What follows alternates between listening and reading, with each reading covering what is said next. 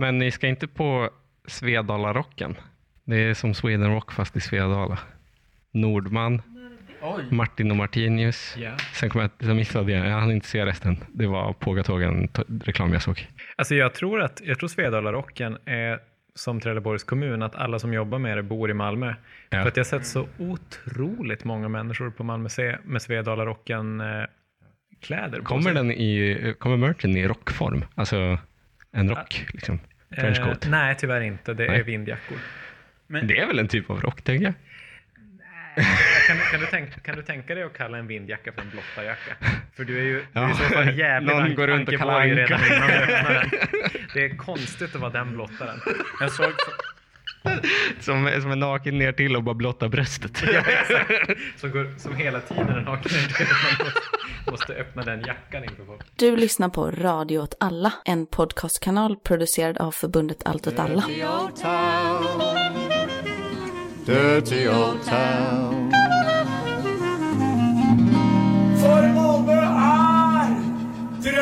Stad! Välkommen till Malmö, avsnitt nummer 56. Släppt på eh, lördag. Jag tänkte ju att vi ändå skulle göra en liten ansträngning att vara lite aktuella nyheter idag. För det är kanske det främsta syftet med att jag tänker att vi ändå ska prata lite om vad som har hänt i skolbudgetfrågan i kommunen. Och sen, och, så att vi behöver kanske en liten bakgrund och sen landar vi i senaste kommunfullmäktige och sen landar vi i, Sydsvenskan de senaste veckorna. Eh, lite sådär.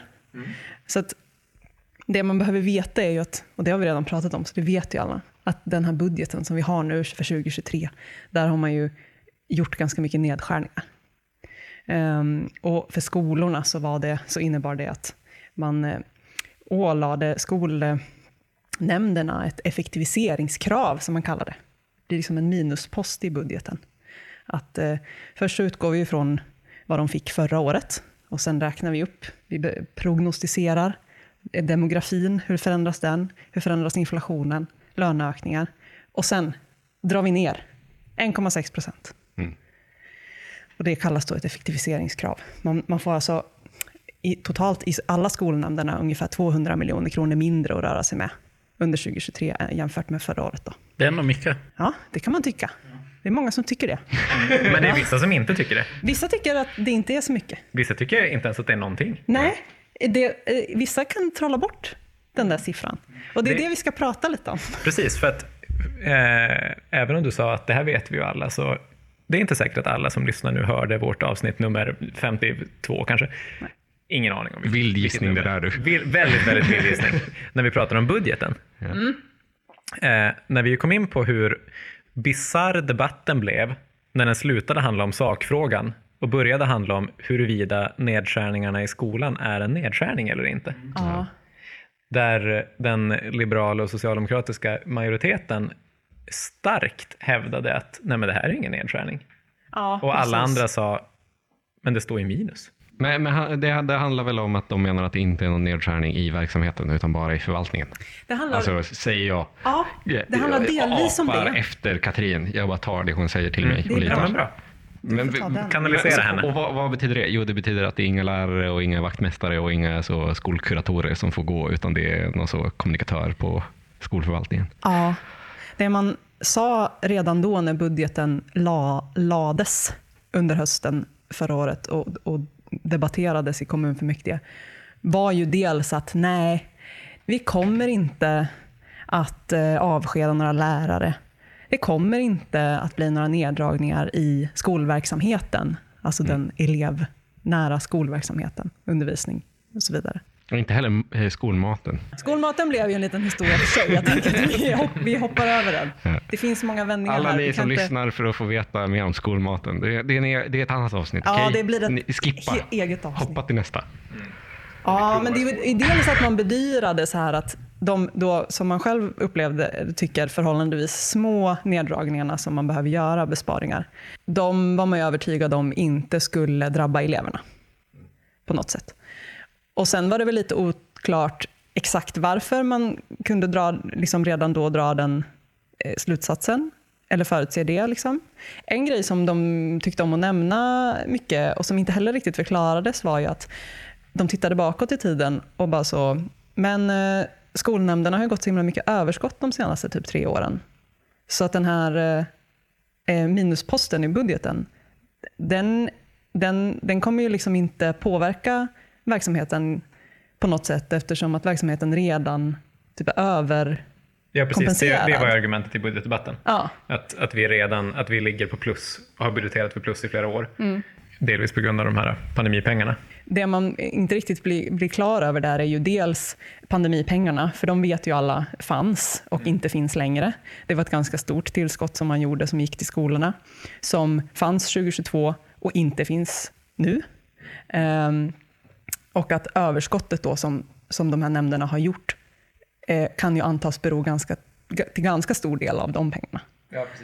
Och sen är det ju också lite sådär, men man, man, man glider ju lite mellan, liksom, eh, man glider ju lite på argumentet här för att dels så kan man ju tycka så här, okej, men när ni gör en budget, att göra en budget är att göra en prognos. Det är att man försöker se in i framtiden och bedöma, okej, men vad tror vi att vi kommer behöva? Vad tror vi att det kommer kosta? Och sen kan det visa sig att man har fel åt det ena eller andra hållet. Det ligger lite i sakens natur. Så att man då skulle eh, och liksom ålägga ett, bespar, ett sparkrav på 1,6 procent utifrån antagandet att ens prognos är fel verkar liksom en lite virrig eller liksom konstigt förfarande. Och det förklarar man inte heller särskilt tydligt och det är ingenting heller som står uttryckligen i budgetskrivelsen, att det är så man resonerar. Så det framstår ju lite som ett så här, ja nej men det kommer inte bli så farligt för att antagligen så har vi ändå prognostiserat i överkant. Alltså lite så. Ehm, så, att, så på det sättet har man väl inte varit, man har inte lyckats jättebra i kommunikationen från styrets sida. Inte jättebra, nej. Nej, redan då. Och det blir värre. Eh, för att härom månaden så började det komma larm från facket, från lärarfacket, att eh, eh man hade anställda ute på skolorna som vittnade om att eh, det gjordes besparingar och att det påverkade verksamheten. Um, och det skrevs om i, i tidningen och sådär. Men, men Katrin, eh, kommunstyrelsens ordförande, eh, Katrin Stjernfeldt Jamme, hon, hon vidhöll ändå att eh, det stämmer inte. Eh, det, det görs ingen neddragning på skolorna, utan hon menar på att skolnämnden, eller skolnämnderna, har valt att freda skolorna och valt att lägga hela den här neddragningen som de ju har i budgeten på 1,6 procent, eh, att de har valt att lägga den på centralt på förvaltningen, så på liksom administration och förvaltnings, ren förvaltningsverksamhet. Det är väldigt mycket pengar om det bara är där. Liksom. Alltså för det, det, blir först, det är först när det sprids ut på många ställen som det blir lite pengar. Det är ju, Ja. Och om det verkligen är så, så är det ju ganska rejält. Och då tänkte jag så här, Liksom. det här hade ju varit intressant att veta om det verkligen är så. För det stämmer ju inte med vad skolorna då, eller liksom vem är det som ljuger blir det ju lite om man hårdrar det. Liksom. Eh, så jag, då läste jag grundskolenämndens budget. Och där, och- att läsa en budget är ju lite en konst. Och jag förstår inte allting som står i den. Men det är ändå ganska tydligt att de här 1,6 procenten i effektiviseringskrav, de har man inte enbart tagit på förvaltningen, utan det är skolpengen. Alltså de pengarna som förvaltningen eller nämnden då skickar ut till skolorna för att de ska bedriva sin undervisningsverksamhet. Det är ganska klart och tydligt att, eh, eller det är klart och tydligt, att eh, hade man eh, fått full kompensation eh, i kommunbudgeten så hade elevpengen ökat med 7 procent. Och nu eh, har man dragit av då 1,6 procent för att möta det här effektiviseringskravet. Så då ökar man skolpengen med 5,4 procent istället. Så att, det var ju inte sant. Och jag vet inte riktigt. Jag har försökt förstå, för jag tänker Att politiker inte ljuger. Ja, men Nej, jag men tänker håller att vissa politiker, Katrin ändå är en politiker som jag skulle tänka att jag har ett ganska starkt förtroende Ja, alltså för. jag har ett förtroende för att när hon gör någonting som jag tycker är fel, då står hon för det. Ja. Liksom. Jag håller med. Precis. Och, och, och sen, och sen liksom lindar hon in det i, liksom, i någon typ av resonemang som jag ändå kan köpa på något plan. Mm. Men som jag ändå inte håller med om. Liksom. Jag skulle, det, det är det här som gör att man blir lite osäker. Precis. Det som hände Eh, sen, tänkte jag säga. Alltså, det, det kom lite, det kom lite liksom, eh, vittnesmål eh, i april, någon gång i slutet av april, och, och om, om neddragningar ute på skolorna. Och Katrin fick uttala sig i media och, och sa då att eh, nej, men det, det görs ingen neddragning på skolorna på totalen. Och sen kan det, kan det handla om att vissa skolor får ett minskat elevunderlag och då får man ju automatiskt, har man ju automatiskt mindre pengar att röra sig med, för man får ju ersättning liksom, beroende på hur många elever man har och då kanske man måste göra vissa omorganiseringar. Fackförbundet för skolledare, alltså rektorerna, Är inte de chefer? Har de ett fack? chefer har också fack. Va- Vad gör De är har du inte aldrig- ar- de är har du inte- aldrig de och pratar om Har liksom? du aldrig läst tidningen Chef? nej, nej, nej, det har jag faktiskt inte. De är ju inte arbetsgivare. Är de inte? Är det inte exakt det de är? Nej. Är det inte så att du är, är, är överklass så länge du administrerar andras arbetstid och lön? Ja, Är men i den så? svenska modellen så är du inte arbetsgivare. Det är som att eh, sen min det här andra- värld kraschar framför mina ögon. Ja. Nej, Som sagt, rektorerna- läs tidningen Chef. Ja, precis. Rektorerna har ett fack och eh, de följde ju upp det här ehm, eh, som kom, där det började sippra fram att, att eh, anställda ute på skolorna eh, vittnade om, om besparingar och att det påverkade verksamheten och sådär. Så då gjorde de en, en eh, undersökning bland sina medlemmar och eh, de frågade eh, 68 grundskolerektorer i Malmö och fick svar från 44 av dem. Och på deras skolor så berättade de då att det sammanlagt kommer att försvinna 212 tjänster. Eh, och att den här neddragningen då av antal tjänster inte enbart går att, alltså härrör till ett minskat elevunderlag eller så, utan att det är en regelrätt nedskärning som håller på. Alltså att man har ett sparkrav på sig och att det märks. Därför att man måste göra sig av med, med personal. Inte nödvändigtvis att man säger upp tillsvidareanställda eller behöriga lärare eller så, men det kan ju vara att man inte förlänger en elevassistent eller alltså tjänster som försvinner helt enkelt. Att, de, att barnen måste återanvända de här utdaterade franska böckerna.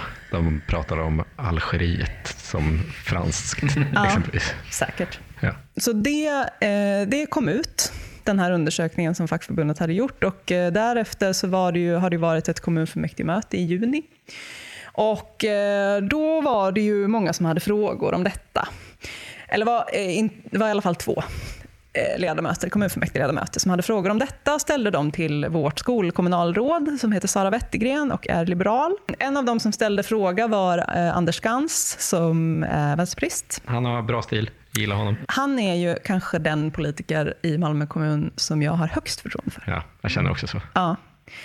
Han begärde i alla fall att få ett faktaunderlag om hur eh, de här nedskärningarna som man gjorde i budgeten inför 2023 eh, påverkar skolorna. Och det var då eh, jag lyssnade på hennes svar och jag skrev till er i vår chatt att mina naglar krullades. Ja, var det alltid när Sara Wettergren säger något eller var det liksom något specifikt? Det Jag var kan mer, säga så här, Det var mer ett citat Sara än Sara Wettergren. Wettergren är den poli- om någon skulle göra en, en eh, sån här opinionsundersökning Ja, och fråga mig, ja. då hade jag svarat Sara Wettergren är den politiker i Malmö som jag har lägst förtroende för. Vad, vad var det hon sa då? Ja, eh, hon sa så här. Nej, vi har inte gjort några nedskärningar. Ja. Hon, hon håller kvar från bud- budgetdebatten. För det var ju exakt det, den linjen hon hade då också. Ja, alltså, precis. oavsett argument så var det bara Det här så. är inte Nej. nedskärningar. Det är inte nedskärningar. Så att, och jag har stolpat upp här lite hennes argument då för varför det inte är nedskärningar. För det första, vi har ökat elevpengen med 5,4 procent. Det är inte nedskärningar. Alltså hon sa det uttryckligen, alltså hon sa det ordagrant. Och då, då vet ju vi, och vi Alltså nämnde det precis, att så här, bara för att man ökar elevpengen så betyder ju inte det eh, att det innebär att man kompenserar skolorna för de ökade kostnaderna som de har. Nej, verkligen inte. Och framförallt inte om det också är elevbortfall. Ja, precis. Så att, eh, och, och det skrev ju eh, till exempel grundskolenämnden väldigt tydligt i sin budget. Hade vi kompenserats fullt ut, då hade elevpengen ökat med 7% Nu har vi ett effektiviseringskrav på 1,6. Vi kommer dra bort det, så vi ger bara 5,4% Och det är ju tekniskt sett en nedskärning. Ja. Inte för Sara Wettergren. För det är ju en ökning. Alltså jag tänker att hon tänker så. Liksom. Att det är så här, ja, om de faktiskt hade, om de hade minskat elevpengen, Ja. vilket ju hade varit helt bananas. Eftersom att det, det, är liksom, det man gör i budgeten är ju att man tittar på inflation, eh, Jo, den- och demografi, den finns ju även- löneökningar. Det, det finns ju även andra år när inte inflationen är väldigt hög. Ja, precis. Så, men ja, nu har de ju ändå ökat den med någonting. Så då är det inte nedskärningar. Det här Eh, känns väldigt mycket som en mer intrikat form av den här eh, eh, nej, vi skär inte ner, vi satsar. Ja. Grejen som alla kommuner gör i hela Sverige, framförallt de borgerligt styrda. Att de skär ner i en verksamhet och sen punktsatsar på någon del av verksamheten och så säger de nej, nej, nej. Eh, sitter oppositionen där och, och satsar? Nej, det är vi som satsar. Ja, Det, precis. det Och- känns som en mer liksom, avancerad form av det. Fast att det kan vara så avancerat att Sara Wettergren exempelvis kanske inte själv förstår att det är det hon gör. Nej, jag anar också det på något sätt. För att sen fortsätter hon. Men det är ju inflation som, som gör att skolornas kostnader ökar. Ja. Ja, absolut. Och det är ju minskade statsbidrag. Alltså staten ger inte lika mycket pengar längre. Ja. Så då blir det ju svårare för skolorna. Ja, Och vad säger Lotta Edholm? Jo, hon säger ju att staten satsar rekordmycket. ja exakt. Eh, och att det faktum att skolorna numera får mindre pengar på kommunal, eller rätt sagt att kommunerna får mindre pengar, att det bara beror på inflationen. Men, så att det här är Lotta- liksom en, det är en kedja av... Lotta Edholm är skolminister, eller? Ja, precis. Ja. precis. Ja, och liberal. Precis. Så, att, alltså, så att Lot- Lotta Edholm Riks och Lotta Edholm Malmö stad är ju som samma person. Ja, precis. Så var det- lika svårt att förstå det här som jag också har ganska svårt att förstå. Alltså allt det vi pratar om just nu. Ja. Nej, men det Sara Wettergren säger är så här, men vi har ju inflation och vi har minskade statsbidrag. Och sen säger hon också så här, vi har en stram ekonomi i kommunen som har gjort att vi har lagt vissa besparingar. Så då säger hon bara rent emot sig själv. Ja, okej. eh, så att det slutar med det. Liksom. Eh, men men hennes, hennes eh, budskap som hon själv sammanfattar det är så här att det är inte det här effektiviseringskravet som står som en minuspost i budgeten, där vi drar ner med 1,6 procent på, på pengarna som, som går ut i skolan. Eh, Det är inte det som har orsakat den situation som skolorna nu är i. Utan att, hon säger så här, skolorna befinner sig i en perfekt storm. Där många faktorer spelar in. Inflationen, minskade statsbidrag, hon nämner också det här med det minskade elevunderlaget, det kan ju också spela in. Liksom, absolut. Och så säger hon så här, skolorna är ju en del av samhället. Och jag tror inte att det har undgått någon att alla har det väldigt tufft. Ja. Inflationen påverkar hela samhällsutvecklingen. Att det inte skulle påverka skolan och deras kostnader, det är naivt att tro. Hörde du Anders Skans? Sluta vara så naiv. Jag köper det här. Så att det är som att, eh, jag tänker att det kanske bara ligger i just ordvalet. Ja. Nedskärning eller inte ha. nedskärning. Och att det, är, det kan inte betraktas som en nedskärning om man som kommunpolitiker som beslutar om den ser sig liksom nödgad av typ externa faktorer. Liksom. Alltså att Sara Wettergren tänker ju inte att hon av illvilja har dragit ner eh, bidragen till skolorna. Nej. Om, om hon bara hade stått för det, Ja. hade vi brytt oss mindre då?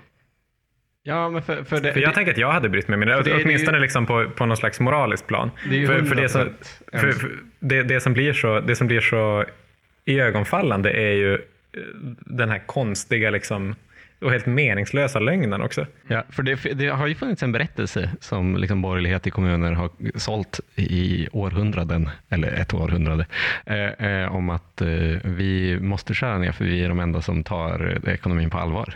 Alltså, De hade ju lika gärna kunnat Mm. Nej, köra den berättelsen precis. idag. Liksom. Och, eh, ska man göra det någon gång så är det väl i ett sånt här Ja, jag, jag tänker att det är att de samstyr med eh, S. Alltså att det är sossarna är så, nej vi kan inte hålla på och skära ner. För Ja, det kan det är ju vara. dumt. Liksom. Ja, Sen hade fan. ju liksom utfallet hade blivit detsamma, så det hade man hur som helst varit, Ja. varit upprörd över. Men, men att, att den här känslan av eh, djup misstro mot den här personen hade ju varit helt annorlunda. Ja. Om, om deras linje bara hade varit att stå för det. Men jag kanske vill avrunda med att säga att jag tycker Sara Wettergrens eh, insats i kommunfullmäktige, det är ingenting med det som förvånar mig. Det går i linje med hur hon... Ja, du har verkligen haft en extremt dålig, eh, taskig syn på Sara Wettergren under lång tid. Det får man ändå ge dig. Eh, ja. Medan vi andra inte ha haft en åsikt, inte vetat vem det är. Jag tror att den har började där i starkt. den här, det här eh, eh, budgetkollapsen eh, kollapsen som, som du nämnde David. Eh, så- men som sagt så är det som har förbryllat mig lite är ordförande Katrins som, vi, som vi strategi. kallar henne, ordförande Katrin. ja. Chairman Katrin. Det känns som att det är lite eh, flaky. ja, Liksom. sluta vara så flaky Chairman Katrin. Ja, men in, fem minuter innan jag skulle gå hit tänkte jag jag borde uppdatera mig om vad det senaste är som Sydsvenskan har skrivit om just med skolorna. Och då såg jag att eh, bara några dagar efter att den här skolledarfackförbundsundersökningen där det liksom ändå blev klarlagt att det, det sker besparingar och nedskärningar ute på skolorna, det påverkar verksamheten. Eh, de citerar någon rektor och facklig företrädare som liksom, eh, ja, men berättar om att det är frustrerande att politikerna inte erkänner vad det är som sker, eh, när det är väldigt tydligt för oss ute i verksamheten att det här är nedskärningar. Liksom. Eh, några dagar senare så publicerade tre Malmö socialdemokrater, nu kommer jag inte ihåg de andra två namnen, men eh, bland annat då Katrin Stjernfeldt Jamme, en debattartikel där de beskyller eh, nedskärningar i skolorna eh, på staten. Ah. Regeringen och- SD behöver göra tre saker för att stoppa nedskärningar i skolan. Är rubriken. Och så säger, skriver de det. Bla, bla, bla, bla. Nedskärningar i skolan är redan ett faktum. Kommunernas ekonomiska förutsättningar ser dystrare ut inför 2024. Regeringen har ansvaret och de finansiella möjligheterna för att garantera en likvärdig välfärd i hela landet. Det är dags att ta ansvaret nu för Sveriges skolbarns skull. och tre krav. Jag hann inte läsa den i detalj, men det var ungefär det som var budskapet. Jag tänker att, eh, att vi ska, som podd ska stiga ut från den här väldigt bekväma positionen av politisk neutralitet som vi brukar säga. Den, den är uppenbara neutraliteten. Ja, och säga kryssa Anders Skans nästa val. Det känns, Oavsett vilket parti du röstar på, kryssa Anders Skans. för det känns som det enda rimliga i det här. Jag litar inte på Katrin längre. Jag som varje, år, varje val har kryssat Katrin tills nu. Som, som den gamla industriarbetare du är. Ja, exakt. Alltså, ap- apropå det, så, ja, men som jag sa tidigare, att, att eh, det här är ju det, den linjen som, som Sara Wettergren följer, det är precis samma som eh, eh, sossarna och Miljöpartiet i Stockholms stad gör. De drar exakt samma argument. Eh, alltså att nedskärningar är inte egentligen nedskärningar, för det är inflationen som gör att det blir nedskärningar och ja, sådär. Och sen passas det där upp till staten och staten säger också att nedskärningar är inte nedskärningar utan vi satsar i själva verket mer än vad någon annan regering har gjort någonsin på det här. Och så gör de inte det. Eh, och nu så eh, ser ju jag att det verkar som att sossarna slår ganska hårt mot det här. Mot, just mot regeringen. Och det blir väldigt speciellt eftersom de också själva sitter och administrerar det här i kommuner. Eh, för bara någon vecka innan den debattartikeln som du läste, då skrev Åsa Westlund, som är utbildningspolitisk talesperson för sossarna, en väldigt, väldigt snarlik debattartikel i Aftonbladet. Där de på samma sätt ställde några krav på den här regeringen och sa att för Liberalerna så är det viktigare att putsa sin självbild än att se verkligheten när våra barn får betala priset. Men jag, jag tänker att det, att det på något sätt är viktigt också att se den här, den här linjen som de har i den här kommunen i det sammanhanget. att på, på något sätt så har det här blivit en etablerad berättelse som nu lite vem som helst kan använda. Ja. Att, att just nu pratar vi inte om nedskärningar om vi inte pratar om den som tvingar oss att göra nedskärningarna som kommer uppifrån. Och annars så är liksom inflationen bara det här, den här silverkulan som gör att vi kan skjuta sönder alla andra argument. Ja. Det är lite kul att jämföra med staden Göteborg som styrs av delvis Vänsterpartiet. Eh, för de gör exakt samma sak. Men där är det mer att de i tidningen pratar om hur mycket de gråter på- på jobbet. Alltså att de skriver under en nedskärningsbudget och signerar med tårar och sådana saker. I, I praktiken spelar det ju ganska lite roll. Jo, alltså, effekten blir detsamma. men, men det är ändå lite kul att jämföra. Alltså, I en postpolitisk era där staten styr extremt mycket och kommuner är, är liksom fångna i det men också på något sätt administrerar det. Så blir det ju mycket just i berättandet om hur, hur man ska hantera det som, som politiken tar sig uttryck. Ja men verkligen, och det, och det man kanske skulle önska där, det är väl någonting som ligger lite mittemellan. Alltså Ja, det- något som är mer konstaterande. Ja, det har ju blivit, det är det liksom det här, den här flake, flakinessen som man upplever med Katrin är ju där att, att, att eh, hon att hon spelar båda fiolerna Ja. samtidigt. Jo. För det har hon gjort hela, i hela den här budgetdebatten ända sedan i höstas. Så är det liksom så, ehm, dels försöka måla bilden av att det inte är så allvarligt i Malmö och att Malmös goda ekonomi har gett oss förutsättningar att inte behöva göra de här stora, stora besparingarna nu och eh, det kommer inte drabba eleverna och bla bla bla. Och samtidigt måla upp bilden av att men det är eh, en ödesfråga att staten inte tar ett större ansvar. Vi kommer att få problem på riktigt Ja. inom kort om inte eh, staten går in.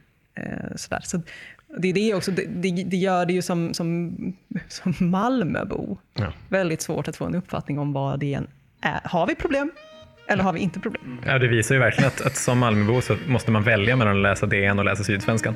För läser man båda blir det jättemärkligt. Ja, precis.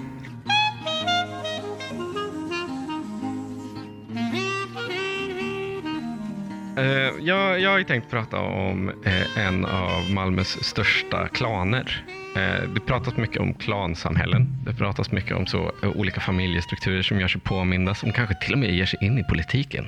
Familjen Roslund. För jag lyssnade ju på eh, eh, podden SD Malmö som jag så vanligt gör. Och så hörde jag ett avsnitt där Lisbeth intervjuade någon farbror och så lyssnade jag med ett öra och sen liksom glömde jag bort det. Sen av någon anledning så kom jag att tänka, så, vem var egentligen den där farbrorn? Jag kände igen det där namnet. Och så, och så öppnade jag upp det och så upptäckte jag, just det.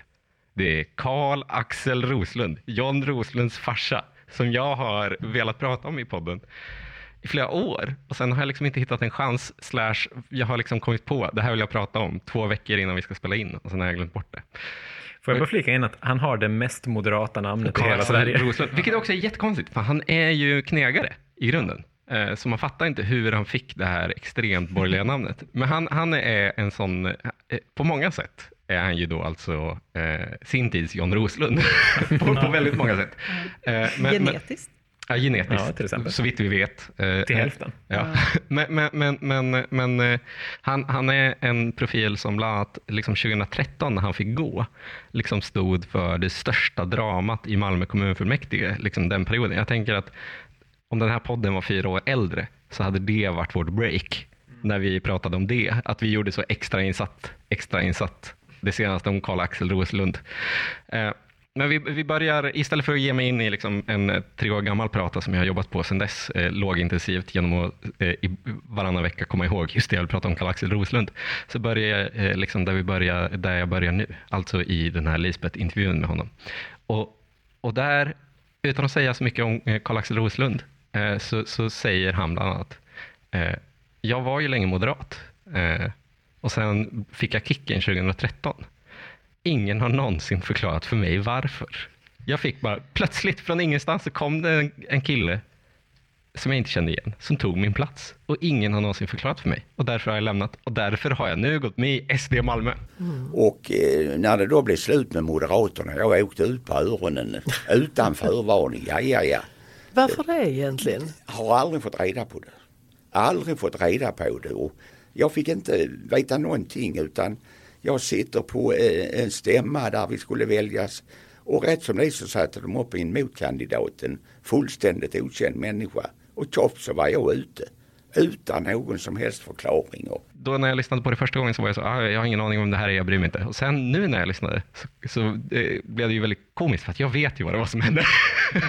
och det var en, en extremt märklig eh, eh, debatt, eller det var en samling debatter. Det första var att han släppte en låt, för han gillar att göra musik. Han är bland annat den som tog säckpipa till Sverige väldigt mycket. Men, men, men han släppte bland annat en skiva typ 2004, jag minns inte. Den finns på CD, eh, finns inte på nätet längre. Förr i tiden så låg den på hans egen hemsida. Eh, men sen eftersom att någon upptäckte att låten låg på hans hemsida så blev han också lite cancelled för det. För att en låt är, som han beskriver det, en burlesk berättelse. En låt handlar om en kille som är, eh, han är fördrucken helt enkelt. Och så möter han en lössläppt kvinna och hon följer med hem, eller han går med henne hem och sen har de en häftig kärleksnatt tillsammans. Och så slutar det med att hon skäller ut han för han kan inte mer och då blir han förbannad och så slår han henne en, en smäll och så tar han på sig tofflorna, sparkar i väggen och går. Och, och, och, och, och, och då, då hamnar han ju lite i blåsväder. Och, och det, han och Lisbeth kan än idag inte förstå det. Hur, hur kan det ha blivit en grej? Är folk så känsliga? va? Klart folk ska få fantisera, säger Lisbeth. det var ingen som, ingen som fantiserade om det. Jag tänker, att, jag tänker att Karl-Axel inte heller gjorde det. Nej. Jag vet inte vad han gjorde, men jag tror inte han gjorde det. I alla fall. Det, alltså man måste ju få lov att fantisera. Ja, och skriva ja. en låt bör ju vara helt oskyldigt. Det Man- behöver inte ligga någonting bakom hela Man tiden. det ja. Så det händer. Ganska kort därefter så, så, så uttalar han sig i tv och säger jättemycket så, saker som kanske inte var helt okej för en moderat att säga under Fredrik Reinfeldt, om vi säger så. Så han var liksom i blåsväder. Och sen sätter Dan Park under Eurovision. Kommer ni ihåg när Eurovision var i Malmö? Ja. Mm, 2014. Nej, det var, Nej. eh, det var 2013 till 2014. Jag, jag minns det som att det var liksom nära årsskiftet nästan. Jag kommer inte ihåg exakt när det var. I alla fall, Eurovision är, är, är i Malmö. Daniel Sestrajcic har deltagit i någon protest. Alltså Daniel Sestrajcic från Vänsterpartiet har deltagit i någon protest eh, mot Israels deltagande. För han är en vän av det palestinska folket, I guess. Och, och han blir gripen för någonting som han sen frias för också. Eh, det var något så försök till våld mot tjänstemannen och sånt. Jag minns inte. Eh, men han friades, så det spelar ingen roll. Dan Park ta, som vi alla känner som en gatukonstnär från förr, som var eh, liksom Malmös Lars Vilks. Alltså på så sätt att han var my- mycket sämre och mer, mer, mer liksom, ja, jag kan förklara, alltså det, det är att han sätter upp 20 affischer runt om i stan med Eurovision-fjärilen. Jag vet inte om de fortfarande har en fjäril. Jag tror det. Eurovision Jag tror det var särskilt för det, Ja, det kan det, året. vara. ja, det var en fjäril och sen hade den Daniel Sestrajcic huvud på sig. Och så stod det typ eh, döda alla judar. och, och det är ju en eh, klassisk Don Park. Liksom. Ett bevis på att han inte riktigt har samma fingertoppskänsla som Lars Vilks. Nej, och då hade ju inte Lars Vilks heller jättemycket fingertoppskänsla. men, men i jämförelse. Så då gör ju Karl-Axel Roslund gör ju den här grejen då att skriva ett pressmeddelande och en enkel fråga till Daniel Sestrajcic som vid tidpunkten sitter i Malmö kommunfullmäktige. Pressmeddelandet och den enkla frågan är helt enkelt, hur kan du stå bakom det här? Hur, hur, hur, varför, varför vill du döda alla judar, Daniel Sestrajcic? Fy fan vad sjuk i huvudet du är, Daniel Sestrajcic. Eh, och då, ju, då går ju Daniel Sestrajcic snabbt ut och säger det är inte jag som satt upp eh, affischen med mitt ansikte på. Det har varit jättekonstigt. Om jag gick runt och satte upp affischer med mig själv på där jag så döda alla judar. Och, och, och så förtalsanmäler han Karl Axel Roslund och Don Park och Moderaterna, för det är Moderaterna som har publicerat eh, pressmeddelandet. I, I intervju så blir liksom den som har okejat det här, Eh, hos, eller okej, jag vet inte, hos Moderaterna, eh, säger ja vi hade, vi, vi hade ju lite att säga, tycka till om där. Vi, vi höll kanske inte med om alla ordalydelser. eh, men men eh, alla, har, alla våra politiker har möjlighet att, eh, att uttrycka sig själva och, och det de säger får stå för sig själva.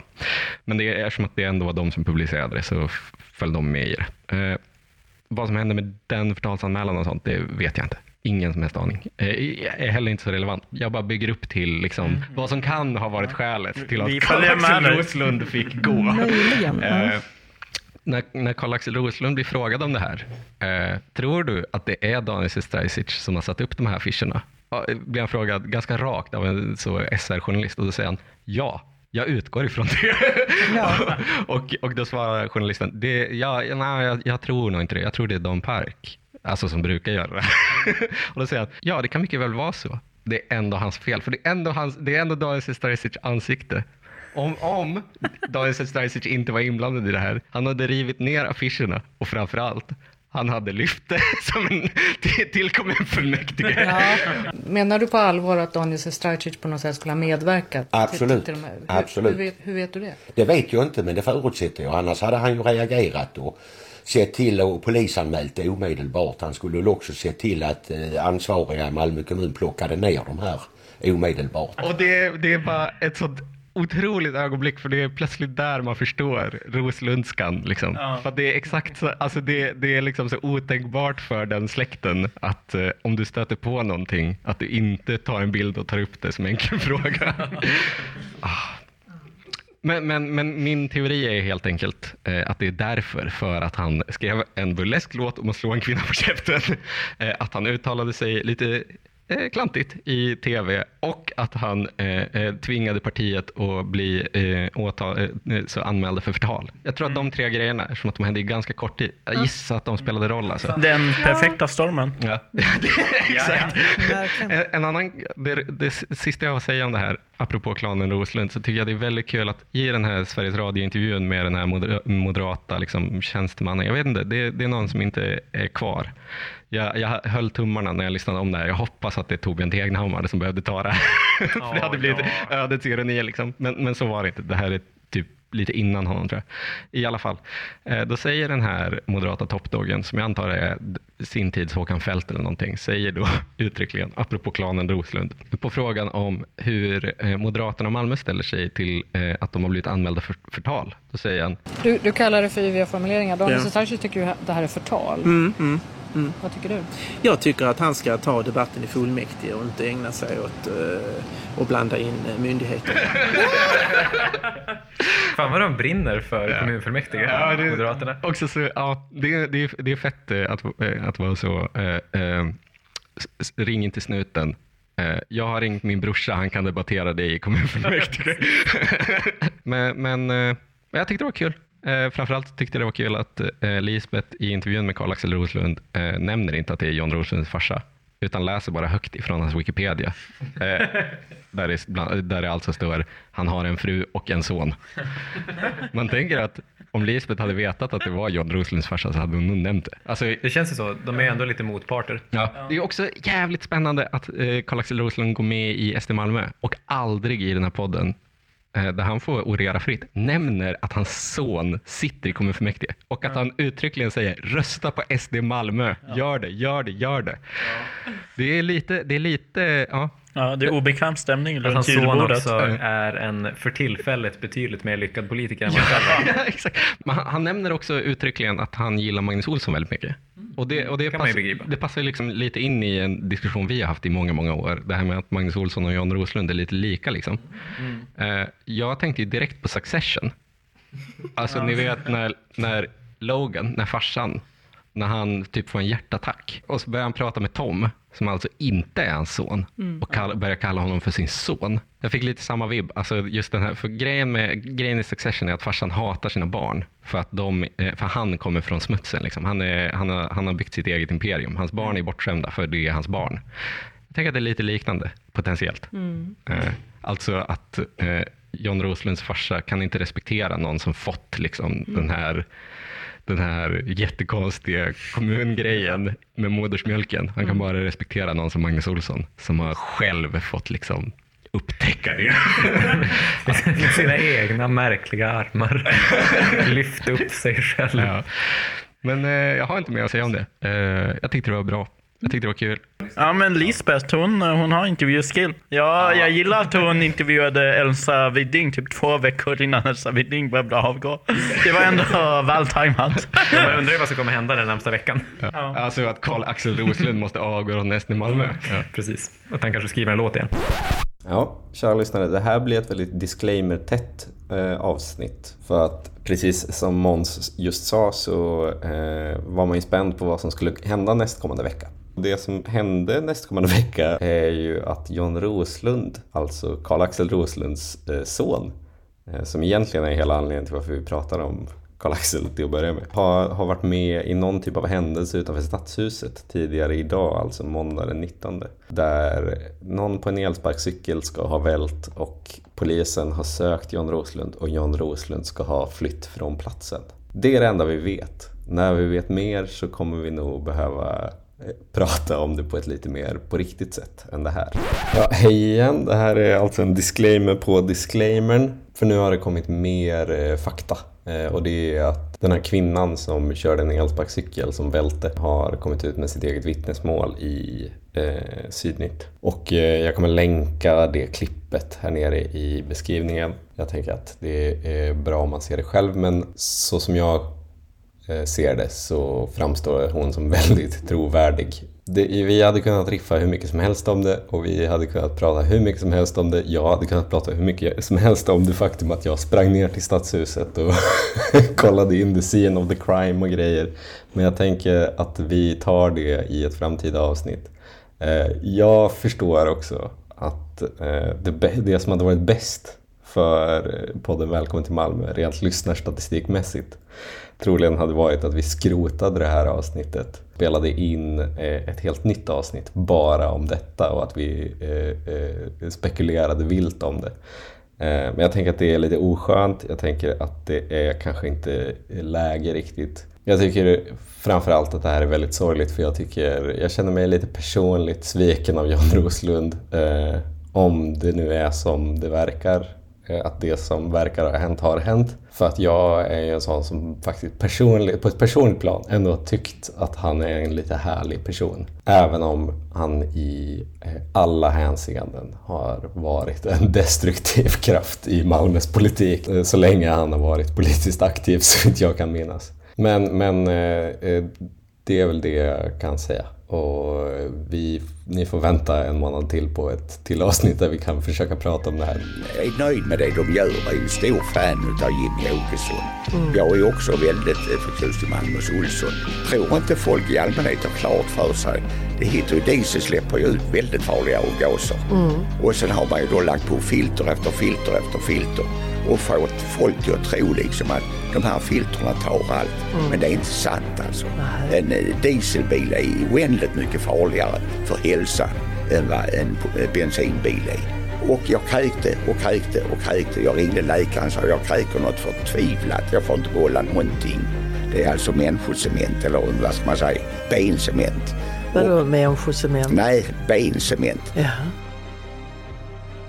Jag vet inte hur mycket folk tänker på det eh, i vardaglig bemärkelse. Det här kan vara vad som helst. Men, ja, det kan det verkligen vara. Men det är ju lite som att lite just på ytan så pratar ju alla om att det är en byggkris. Det har ju inte blivit liksom så jättestora nyheter. Och det är inte som att man hör folk på stan som bara... ja, bara nu går det dåligt för Jag tänker, att om, jag tänker att om man hänger på mycket byggarbetsplatser, Ja, jo. där tänker jag att det pratas om det. här. Ja, men en, sån, och- en sån där gubbe som står och tittar in. Ja. Men, men i alla fall, så det här är ju någonting som pågår. Och det senaste, alltså på en nationell skala, är ju att man har börjat kalla till krismöten. Eh, och det innebär att det händer någonting som inte har hänt på många, många år. Det är att vår bostadsminister helt plötsligt dyker upp. Och det visar sig, vi har en... Ja, Oj, har ett Eh, jobb. Ja, och dels får vi också reda på vem är bostadsminister? Vem är det? Och, ja, det är tydligen en uh, snubbe som heter Andreas Karlsson och är med i KD. Jaha. Vem visste det liksom? Ja. vem, vem var er senaste bostadsminister som ni minns? Eh, Friggebo. Attefall. Ja, men eh, så nu blundar vi. Och sen skapar vi en bild av en stuga. Och i den här stugan så finns det ett långbord. Och på den här, det här långbordet står det en kittel. Och det kokar lite. Och det kommer ut sådär rök. Och runt det här långbordet så står de tyngsta aktörerna i byggbranschen plus vår bostadsminister. Och i kitteln häller de slopat amorteringskrav, underlättande, start, eh, underlättande startlån för första gångsköpare och fri hyressättning i nyproduktion. För att eh, lösa bostadsfrågan och få igång bygget. Det handlar bara om att göra en remix på alla förslag som har kommit. Jag önskar att ni kunde se David Ja, röra om i kitteln. Samtidigt som man säger remix. Det var väldigt det var snyggt. extremt Det var Med en stor slev. Var det Ja, den här tonen i nyhetsrapporteringen också? Ja, ungefär. ungefär. Ja, det är väl men, väldigt, väldigt eh, mysigt. Jag blev ju nästan positiv Ja. till fri hyressättning. Ja, men man kan ju dock säga att det här har ju i princip redan dömts ut. Ja. som eh, att det kommer ha någon effekt. Där kan vi väl snabbt göra en, den här public service announcement som vi har gjort de senaste avsnitten. Att eh, gå in på vägradubbelhöjning.nu. Det är Hyresgästföreningens liksom kampanjsida. Så kan du kolla om du påverkas av den här eh, dubbelhöjningen som fastighet, många fastighetsägare i Malmö försöker genomföra. Eh, det, är, det är jätte, jättemånga lägenheter, men inte alla.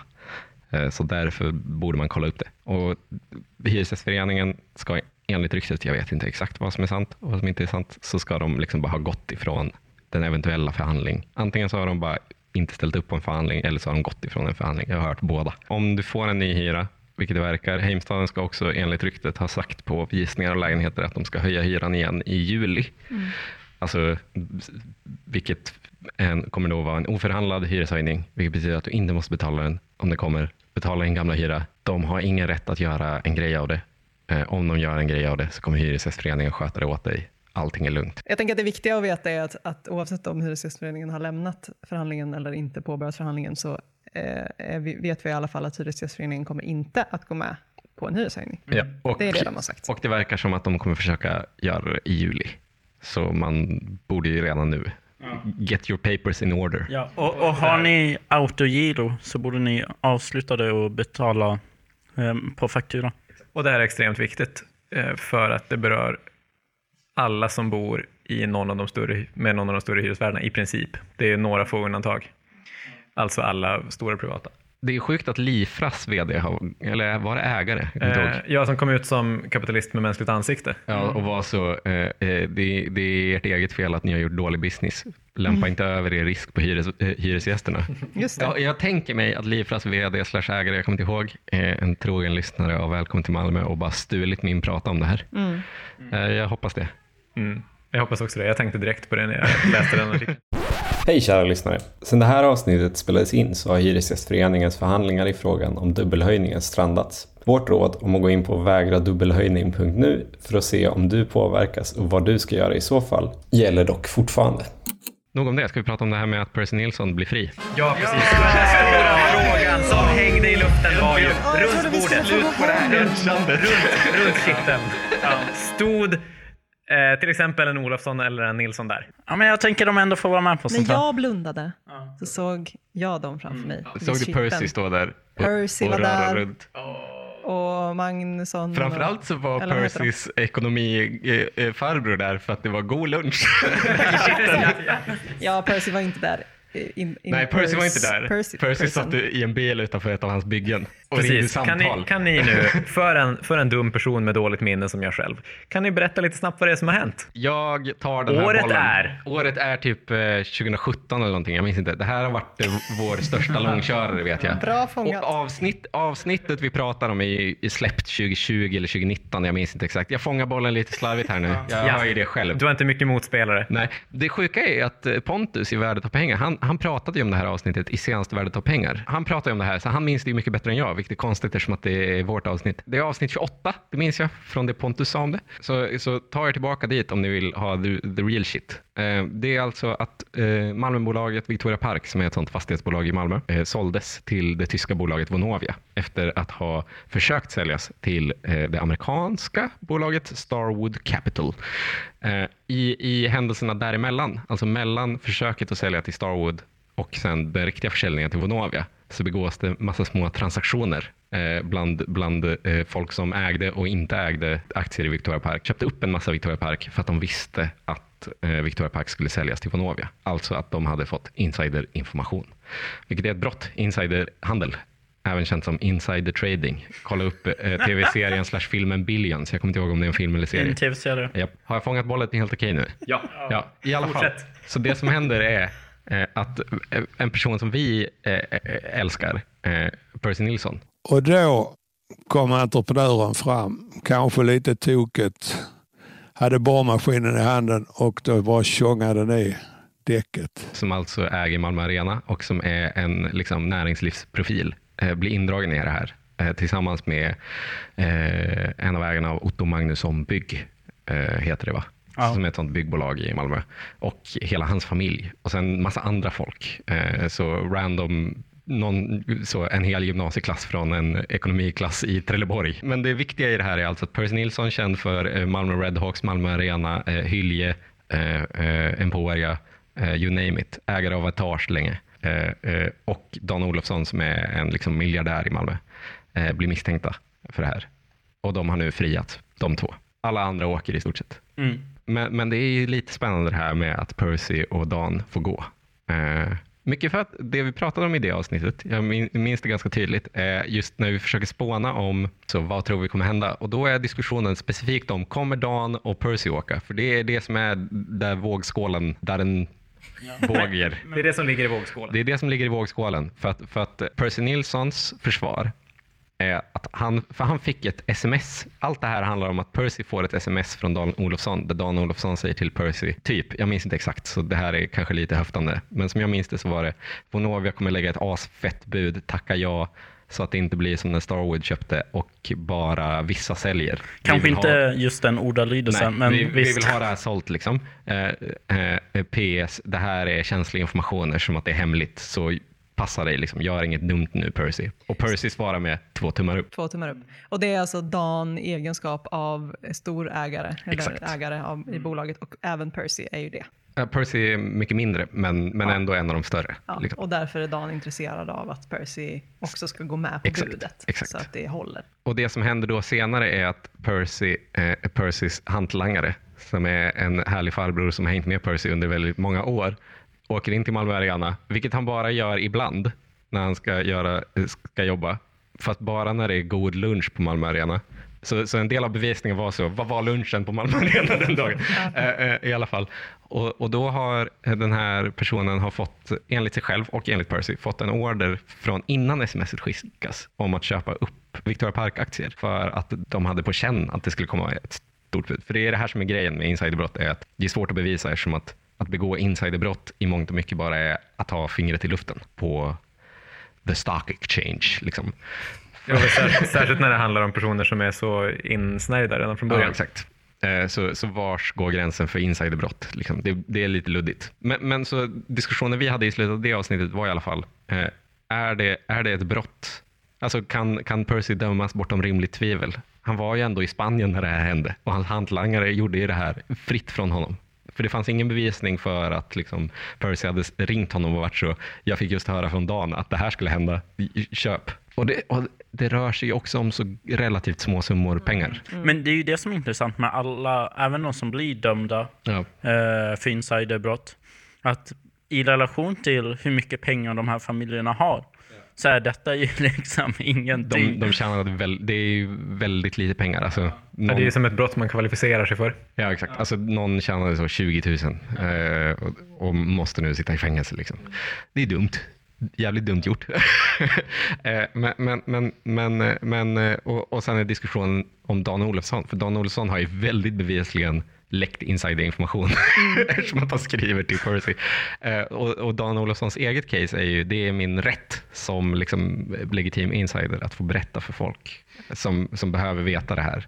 Mm. Och då har diskussionen har då varit om huruvida det var rätt eller inte att berätta för äh, Var Percy en, en sån person som borde fått veta liksom? Hela diskussionen. Ja. Och då har typ rätten, jag har inte förstått det helt och hållet, men typ, rätten har typ kommit fram till att Percy var inte en person som borde fått veta det här, men det är så subtilt att Dan Olofsson inte kan förväntas ha förstått det. Mm.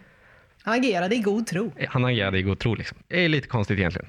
Alltså, det är konstigt att man kan gå fri från ett brott man För, begått. för apropå det här, för då är. Dan är ju en insider då. Ja, det är Alltså Dan har, har den här informationen. Han blev- och han, han- har den på legitima grunder. Han har skrivit under sitt namn att jag vet det här och sådana saker. Ja, för det är inte det som upprättas också i typ styrelsen eller vem nu som nu gör det. Alltså att Ett insiderregister. Precis, och då har man en namnlista på de här personerna är insiders, de får information. Ja. Ingen annan ska få det, de är outsiders. Det är inte riktigt så klart att ingen annan ska få det. Nej, utan det är, alltså, alltså det är inte, det är inte, eh, hovrätten är inte helt dumma i huvudet. Liksom.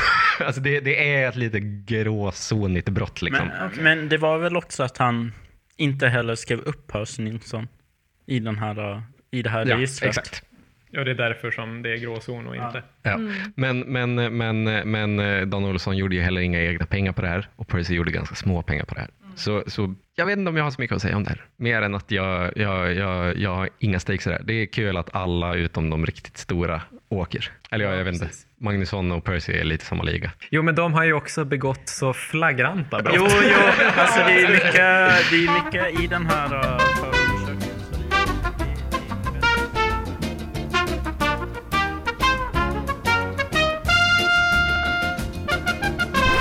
Ja, man kan inte hålla sig. Det är... När kakburken står där. Nej, när, när det krullar där i naglarna. Ja, visst, visst. Man sitter där och lyssnar på farbror Dan. Ja. ja, för det är också det som är lite, det är lite spicy. Alltså, och nu tangerar vi ju spekulation här, liksom. men det var ju en, en, den, den, den absolut mest spicy grejen i undersökningen var ju det här med att eh, grabben Magnusson hävdade att han fick sin information från citattecken Dan utan efternamn. Eh, Och mycket av utredningen gick ju åt att då förstå vem är Dan? Och eftersom att ingen sa vem Dan var så vet vi inte vem Dan var. Mm. Nej, just det. Eh, Men Jag hade man, har en hade teori. Man vetat det, hade man vetat det, det. Så, så hade man ju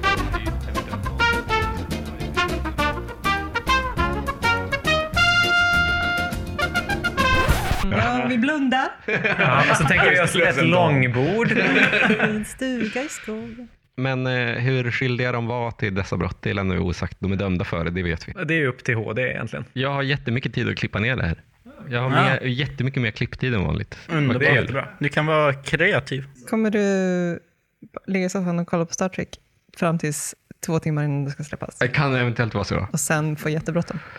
Kan eventuellt vara så. Mm. Men eh, vi ses och hörs.